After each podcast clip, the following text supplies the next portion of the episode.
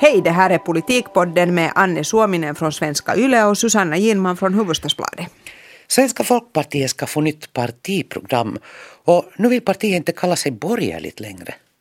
Vi frågar också vad Petteri Orpo egentligen vill och vad han tänker göra om han blir vald till Samlingspartiets ordförande.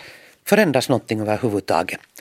I slutet av maj fyller den här regeringen ett år och den har faktiskt en hel del att skåla för. Och vi börjar med SFP och det här partiprogrammet som de nyligen presenterade förslaget till. Sen ska det ju godkännas om ungefär en månad på partidagen. Och jag tänkte att vi skulle kunna lite fundera kring det här att varför behövs det sådana här program egentligen?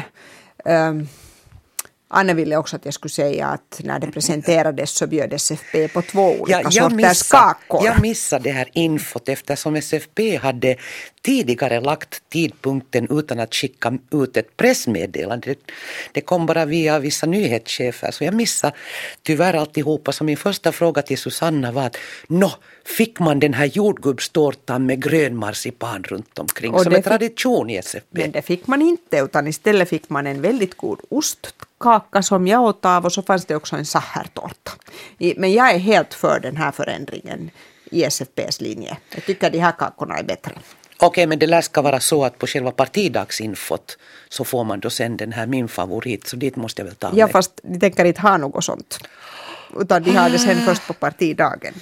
Okej, Nåja, men då, då, då talar vi allvar vi om partiprograms om, om de här programmen. Ja. Jag menar, den uppenbara anledningen är förstås att det i de här programmen ska stå vad partiet tycker.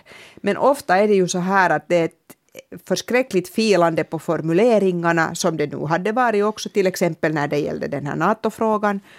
Uh, och, det där, och sen när de är godkända, nedskrivna och godkända, så sen är det ju ofta så att de glöms bort helt och hållet, de här programmen. Ja, och det som gäller sen är, beslut som man tar på partidagen, som motionssvar, resolutioner eller valprogrammen. Ja, eller om man sitter med i regeringen, de beslut som man tar där, som ja. inte ju nödvändigtvis förstås motsvarar särskilt ett litet partis program? Jag, jag läste av pur intresse nu igenom no, dels det gamla partiprogrammet sen tio år tillbaka. Och så tittar jag också på eh, Samlingspartiets eh, partiprogram, det kallas för principprogram, eftersom jag var lite intresserad av det här med med inställningen till NATO, om SFP blir det första partiet nu då som skriver in det faktiskt i ett partiprogram.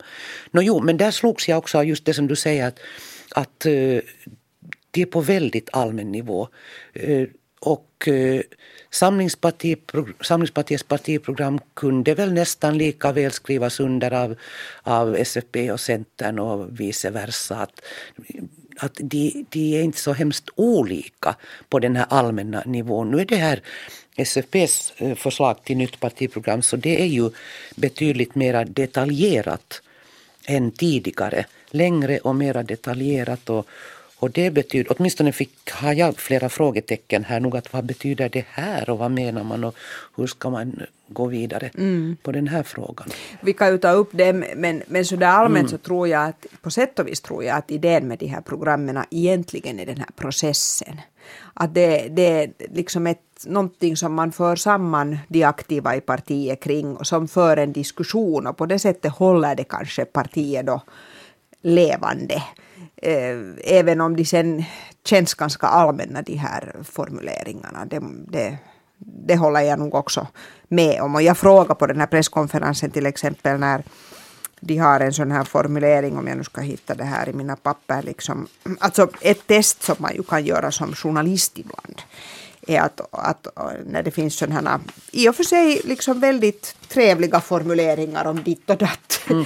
Att, det där, att om man skulle sätta ett inte framför dem så, så skulle det, skulle det liksom skulle någon då överhuvudtaget omfatta det? Och, och jag ställde också den, på sätt och vis den frågan på den här presskonferensen att det, den stora skillnaden är ju då att SFP inte mera definierar sig som ett borgerligt parti utan som ett liberalt parti. Ja, fick du någon förklaring på presskonferensen mm. till det? Nå, hur sjutton var det nu? Jag måste titta. Det, det, det, får vi återkomma till. Men jag tänkte ändå att jag skulle... kanske lite gammalmodigt. Eller jag kan tänka mig att det finns någon sån ja. tanke att det här, man, man är ju inte heller mera frisinnat liberal som i det Nej. förra partiprogrammet utan nu är det det liberala, Finlands Precis. liberala partiet. Det, det låter det är ett vidare, öppnare, no, mera positivt begrepp kanske än säga. att kalla sig för borgerlig. Ja, men samtidigt måste man ju också säga att att liberal är ju också ett väldigt luddigt begrepp. Mm. Att det kan betyda hemskt mycket neoliberal eller tolerant. Jag menar, och allt, alltid går inte de här definitionerna så att säga ihop. De kan också vara delvis motstridiga. Men om man nu tänker så här att, att det där uh, vår liberalism står här i det här programförslaget bygger på respekt för människan, individens friheter och rättigheter, jämställdheten samt ett socialt och globalt ansvar. Eh, så det är ju mycket fint, men jag är inte säker på att, att något parti så att säga skulle säga motsatsen. Samtidigt som det kanske är lite orättvist nu att säga det här, men, men det där men att jag ska se nu, jag har ju mina anteckningar här för jag är ju en människa som antecknar passionerat. Och det gör jag egentligen mest för att kunna fokusera och inte börja tänka på andra saker. det där, ehm, och jag tycker att det nog var tal om, om den här, eh, eller jag frågade ju då själv som jag sa om den här liberalismen, vi ska se nu um, det tar nog lite tid när jag bläddrar. Ja, då, då sa Karl Haglund att det här är fråga om ansvarstagande liberalism, inte neoliberalism till exempel. Så, så, så den definitionen, definitionen då, komma ner. Men, men, men det var nog inte egentligen tal om det där borgerliga... Vänta nu. Uh, de tycker inte att de nu för SFP åt något håll, för den frågan kom ju liksom att går ni nu så att säga högerut då. Uh, utan de är då av hävd ett borgerligt, borgerligt parti men nu talar, kallar de sig liberalt. Och jag menar det är ju sant att inte, inte det är ju någon som tror att SFP är ett vänsterparti. Men okej, de för inte partiet Eh, de reviderar liksom inte linjen på axeln vänster no, Det tycker höger. de inte åtminstone det själv. själva. Men, men det tycker de aldrig. Nej, men en säga. liten intressant markering finns det ju jämfört med till exempel deras skatteprogram för drygt ett år sedan då inför riksdagsvalet. Då blev det ju eh, en rätt livlig diskussion om om eh, formuleringar som, som gav i handen att de vill luckra upp progressiviteten, eh, minska progressiviteten. Och det går ju helt enkelt ut på att ju mer man förtjänar desto mer betalar ja. man i skatt. Alltså. Ja, och, eh, och eh, till exempel här på Yle så anklagades journalister för att, för att eh, ha missförstått och misstolkat och så här. Nå, nu har de då skrivit så att de är för en balanserad skattepolitik som utjämnar inkomstskillnaderna. Och på presskonferensen om det nya partiprogrammet så, så medgav Karl Haglund då att det var lite olyckligt formulerat då det begav sig med det skattepolitiska programmet. Ja. Så okej, okay, jag, jag kan nog tänka mig att de kanske ändå vill luckra upp progressiviteten.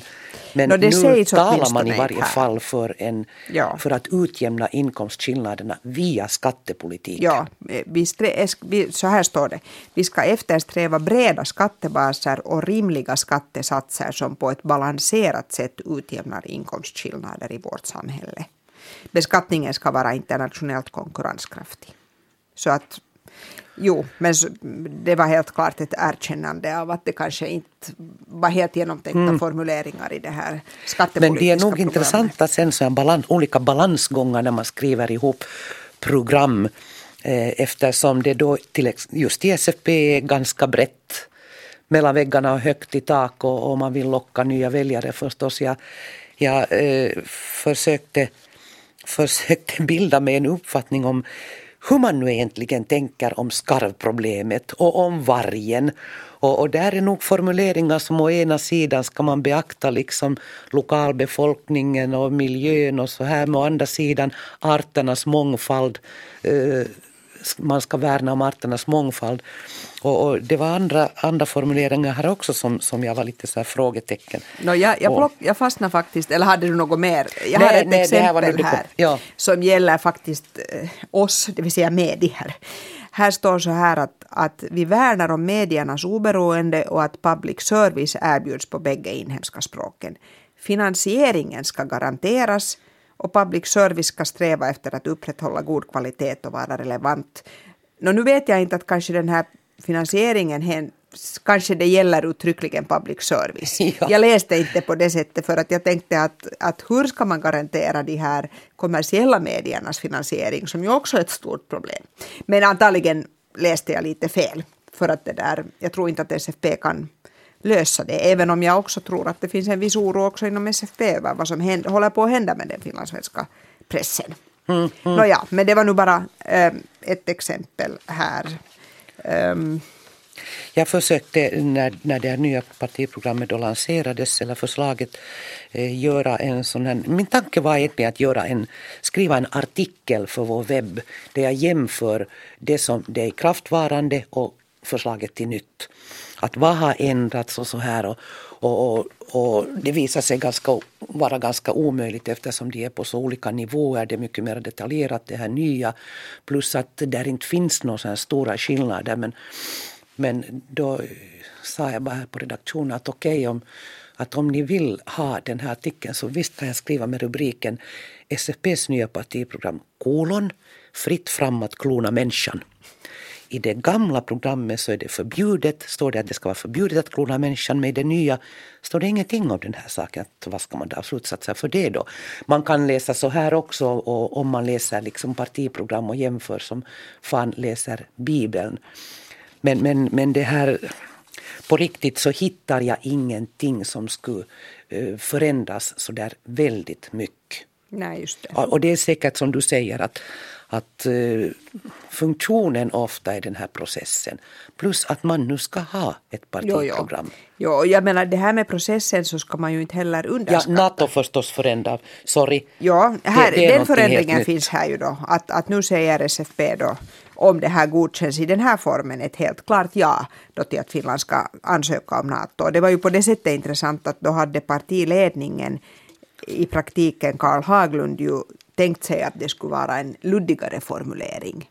Men, men partifullmäktige ville ha en ett Det blir intressant att se den här diskussionen sen på partidagen i juni.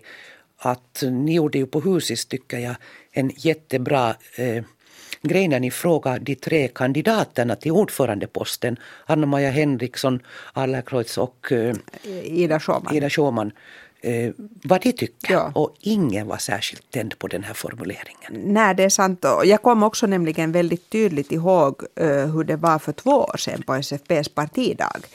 För att då tror jag att det var så att det fanns någon motion som handlade om NATO. Om jag nu minns, det här är jag inte helt säker på. Att det, det var just därför. Jo. Precis, och därför så hela den allmänpolitiska debatten var egentligen en NATO-debatt. Och alla som uttalade sig var positiva till att Finland borde ansöka om medlemskap och SFP borde så att säga arbeta för det här. Och då sköts ju den där frågan upp sen med hänvisning till det här partiprogrammet. Men det där, då höll de en pressbrunch på söndag morgon där det här då kom upp och då var de lite gramse på att medierna hade skrivit det här att att, att det var alltså ingen, alla bara talade för NATO i den här debatten, att av den fick, kunde man dra den slutsatsen att, det, att partiet enhälligt tycker att, mm.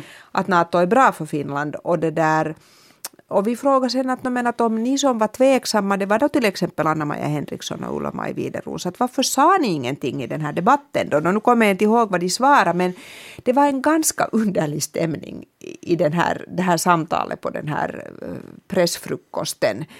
Och jag antar att det kanske delvis handlar om att, att de här ledande SFP-politikerna, jag kan ju inte veta vad de tänker i sitt huvud om de inte så att säga säger det, men jag kan tänka mig till exempel nu för Anna-Maja Henriksson, att, att hon vet att det finns många av hennes anhängare och väljare i Österbotten som inte är särskilt pigga som inte stöder helt enkelt det här eh, NATO-medlemskapet för Finland, som har en försiktigare linje. Mm. Och då är det förstås svårt för henne, och nu säger jag att jag vet på riktigt inte vad hon tycker, men, men, det, där, men, men det är i alla fall en komplikation så att säga. Men, men här finns liksom det ska bli... Lite spänningar. Det, det finns kanske lite spänningar och där, därför ska det bli intressant att se hur den där debatten går på partidagen, där jag inte kommer att vara heller i år, tyvärr. Utan det är synd om dig, men hur du ska vi ta det här NATO som en åsnebrygga nu till, till Samlingspartiet? För nu har vi sett den första ordförandekandidatdebatten. nu har ju Samlingspartiet tre kandidater. Alex Stubb som vill fortsätta, Elina Lepomäki riksdagsledamot och Petteri Orpo, inrikesminister. Han eh, gav sitt besked strax efter vår förra podd Precis. och vi i varje fall tippar att han säger det. ja. Och nu har, har de hållit sin första debatt i Seinäjoki som vi båda tittar på. Och eh, om, om vi börjar med Nato mm. så det slående var ju där nu att ingen av dem eh, stödde längre en folkomröstning ifall eh, det då skulle bli aktuellt med ett NATO-medlemskap. Eh, de vill ha allihop förstås jo, ett medlemskap. det vill de. Och för där är ju Samlingspartiet det parti som först har sagt att de är för ett NATO-medlemskap. Ja, även om de inte har det i något program ja, ännu. Men nej, det är helt onödigt med en folkomröstning. Eh, plus att de då tycker att, att det räcker med en tillräcklig majoritet i riksdagen. Och frågan är vad är en tillräcklig majoritet då? Precis. Att nu vet vi ju kanske inte ens riktigt vad, hur man ska tolka den nya grundlagen. Nej. Att behövs det två tredjedelars majoritet? Eller räcker det med eller? en enkel majoritet? Ja, ja. ja precis. Det, det råder tydligen en viss förvirring här. Ja, men där om är det, ju... också bland sakkunniga. Kunniga, precis. Och sen är det ju nog också intressant just det här att de här samlingspartistiska ledande politikerna, som man väl nu måste kalla de här mm. ordförandekandidaterna och den sittande ordföranden, att de är så att de inte är så intresserade av den här folkomröstningen, för där går de ju på en helt annan linje än presidenten Sauli Niinistö mm. gör, för att han har ju vid flera tillfällen uttryckligen väldigt tydligt sagt att han anser att det måste ordnas en folkomröstning, att det här är en så stor sak. Eh, så att det där, eh, så där är liksom hans gamla parti då på en lite annan linje. Så det tycker jag faktiskt ja, att också är intressant. Ja. Men, mm. men eh, den här första ord, ord för, no, kandidatdebatten, kandidatdebatten, kandidatdebatten ja. för enkelhetens skull, mm. så, så jag var nog lite, hur ska vi säga, besviken när jag hade sett den. Elina Lepomäki är klart fall. Hon är, hon är tydlig, hon är marknadsliberal ut i fingertopparna. Och eh, hon, hon liksom skräder inte orden. Nej, hon, är nog, hon fascinerar mig, hon, hon jag säga. Fascinerar mig också. Och det är kanske mest det här att, just det här att hon är, hon är ganska modig. Ehm, och, och, och just det här att hon inte skräder med orden och hon, utan att blinka så, så att säga kommer hon med sina ställningstaganden som hon vet att väcker som är ganska radikala eller ganska ja, annorlunda. Hon, hon tyckte till exempel då i den första debatten att eh, nu, nu ska ju regeringen gå in för ett så utvecklingsbolag dit man placerar vissa, eh, Stat. vissa statsföretag och företag med, där staten har stor, stort ägande. Stort ägande. No, och det här utvecklingsbolaget ska sen då eh, kanske sälja ut och hantera de här pengarna, investera dem på nytt och så. Hon tyckte att det här är nu helt befängt, att nu har Samlingspartiet gått i Centerns fälla. Att varför ska ett sånt här utvecklingsbolag nu placera de här pengarna hit och dit om man säljer ut och det, det kommer alltså pengar. Att man borde istället gå in för eh, som hon kallar för folkkapitalism. Dela ut de här pengarna till folket och sätta dem i omlopp, eh, få igång liksom hjulen att snurra via köpkraft och allt sånt här. Och så fick hon frågan då att, att no, på vilket sätt ska de delas ut ungefär? Sänka skatterna. Men, men det här att hon liksom eh, går åt sitt eget parti för att gå i Centerns fälla så mm. lät ju ganska fräscht. Och hon vill också dra bort barnbidraget från höginkomsttagare. Precis, och där fick hon, där stödde nog, åtminstone inte Orpo henne Nu kommer inte ihåg heller, om... nej, Stubb stödde inte heller. Nej, precis. Nej, det. båda, båda anser då att barnbidraget är, En det universell- barnets, ja. det, ja, och det är barnets Ja. liksom subjektiva Rätt. rätt och förmån. Ja, det är och- inte föräldrarnas. Jo, och det det här är ju den där tanken bakom. Jo, att det också det här att det är en universal rätt och, då- och det, den tanken är ju liksom på sätt och vis bakom den här välfärdstanken i samhället också att, att det finns vissa rättigheter som alla ska få och att det är också ett sätt att legitimera det här med att man betalar höga skatter och så här. Lepomäki sa visserligen att man kan ju ta bort de där barnbidragen genom högre progressivitet i, Ja, i beskattningen, att man kan nog betala ut dem men man kan sen ta tillbaka dem och då, då blir det ju liksom lite sådär i smyg nästan. Men, men det där... Men Orpo hör du. Ja, hon, nå, jag måste ju kan vi väl vara överens om att hon, hon är ganska chanslös i No, det det här tror vi ju racet. att hon är. Ja. Men, men, men Orpo är nu en kandidat som i varje fall har ganska goda chanser att slå Helt klart har han Stubb. det. Ja, där måste, han hade presenterat ju sin eh, kampanj här för någon dag sedan. Han hade en presskonferens om den.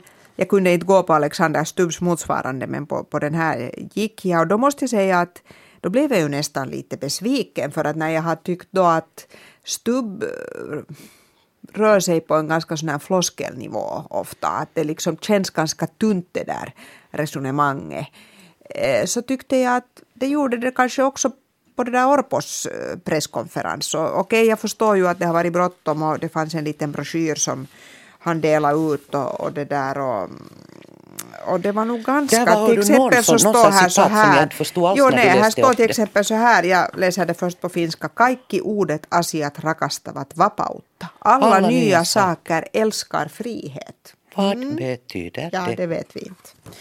Så att, men annars kan man ju säga så där på en, eh, hur ska man nu säga, på en retoriknivå så, så det där drar ju Orpo stora växlar på det att han har varit med så länge som han har varit med. Ja, nu har han inte varit kandidat mer än två veckor va?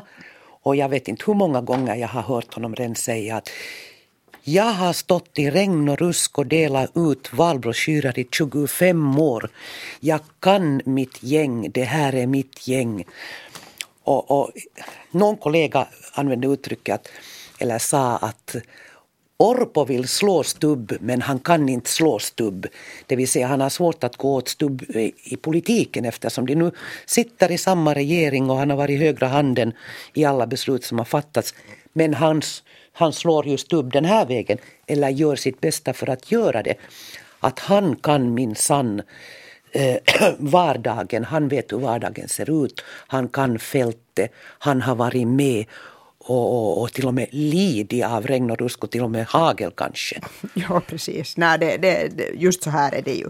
Sen, det där, sen lyfter han ju fram det här med eller två saker vill jag säga. För det första försöker han ju vända det här med att eliten i Samlingspartiet liksom hoppas att han ska bli vald. Han vet ju att det var vad de hoppades eliten i Samlingspartiet hoppades för två år sedan att Vapaavuori skulle bli vald och så gick det inte på det sättet. Och nu liksom finns här ju en liten risk att han då blir stämplad då som etablissemangets kandidat och därför säger han att den egentliga eliten så det är ju de här som står där i regnet och ruske och att han är gärna deras kandidat. Det är det ena. Men det andra som jag ändå tycker att är lite intressant är det här att han tog upp medelklassen och att, att det är viktigt att Samlingspartiet värnar om medelklassen. och Där att vi har man svikit medelklassen, det är ju egentligen det han säger. Det är det han säger, att Samlingspartiet vet inte hur medelklassens vardag ser ut och att den är otryggare nu än tidigare för jobben försvinner och allting ändras och, och man vet inte mera, mera vad man kan lita på. Och det tycker jag ju på något sätt Nå, att han, det är ganska han har intressant. säkert rätt i att medelklassen har, fått, eh, har drabbats av ganska många hemskheter under åren. Men det här min fråga är, eh, vad vill han då göra? Mm. Jag menar, jobb har försvunnit, jobb har flyttat ut från landet. Medelklassen har drabbats av arbetslöshet. Eh, hur ska han värna om just medelklassen i den här frågan i arbetslöshets... Eh, liksom, Nej. när man fixar till sysselsättningen. Eh, skatterna, är det då, eller är det skattevägen han ska ge medelklassen ett bättre liv? Mm. Att, jag, jag ser nog fram emot att han konkretiserar det här lite Absolut. för att nu vill vi ju veta vad den eventuella mm, blivande ordföranden oberoende av vem det nu sen är. Va, hur, hur den tänker rent konkret i politiska eh, frågor eller politiska konkreta beslut Precis. som ändå ska fattas Precis. då. Nog. Han hade ju också den här analysen som i och för sig är helt rätt att politikens eh, liksom utrymme har blivit mindre. Mm. Eh, att man kan besluta mindre om politiken i och med att ekonomin är öppen och, och, och liksom en del av den globala ekonomin. Men, men samtidigt är det ju intressant att om nu något parti så att säga har varit har drivit på en sån utveckling så är det väl Samlingspartiet.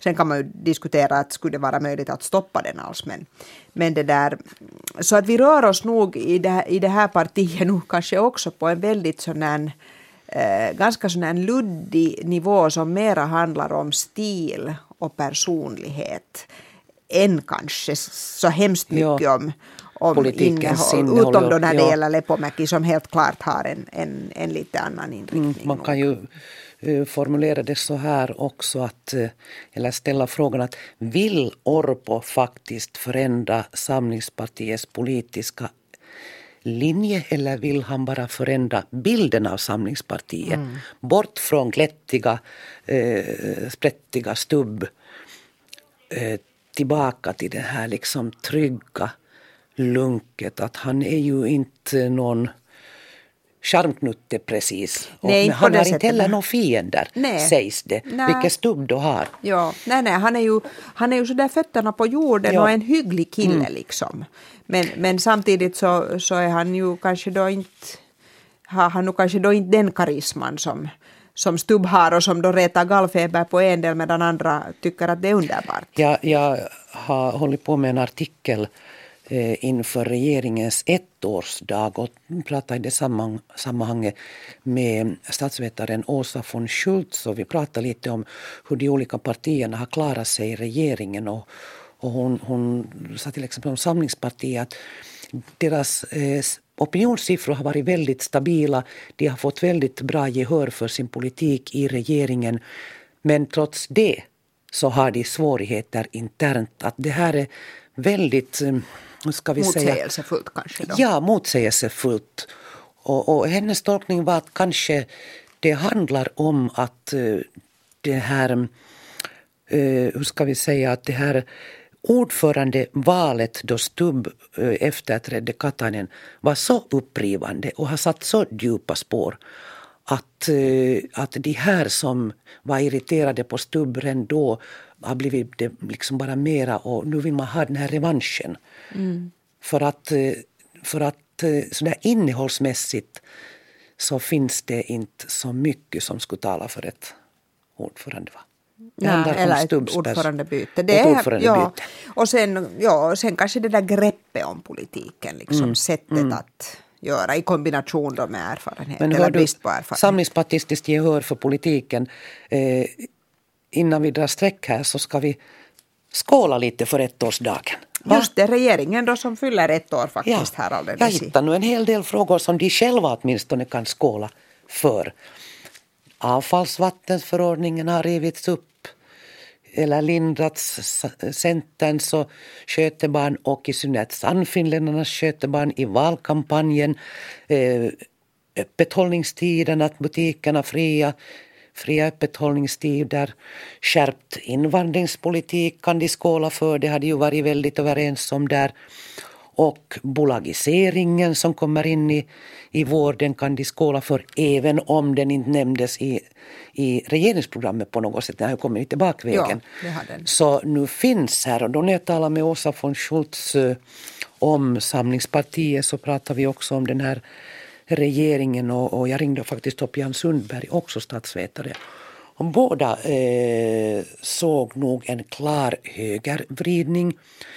Men eh, Åsa tyckte också att utan att ta ställning till innehållet i den här regeringspolitik så, så har den nog anledning att skåla för att den fattar alla tuffa, hårda beslut redan i början. Att det är valtaktiskt fiffigt också.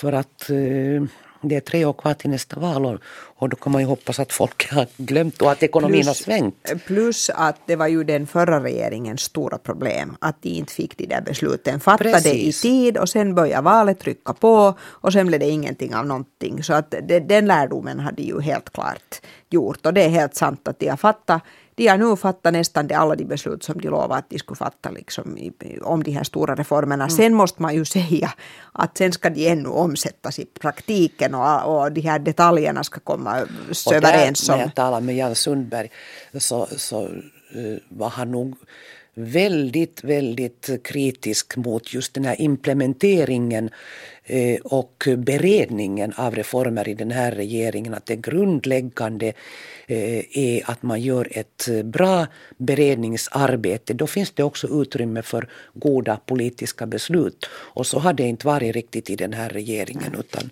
som vi har noterat många gånger mm. tidigare så har man fått dra tillbaka det ena och det andra och revidera under vägen. Men jag frågar Åsa eh, von Schultz om hennes bedömning liksom, om de, de, de tre kvarvarande åren. Att sitter den här regeringen eh, mandatperioden ut? Och eh, svaret var väl ungefär det här att Sannfinländarna är den svaga länken. De tappar och tappar och tappar i väljarstöd och de kan i princip tappa hur mycket som helst eftersom de inte har den här stabila partimedlemskåren, basen som andra partier har. Där finns inte den här kärntruppen som hålls kvar oberoende av hur mycket det stormar.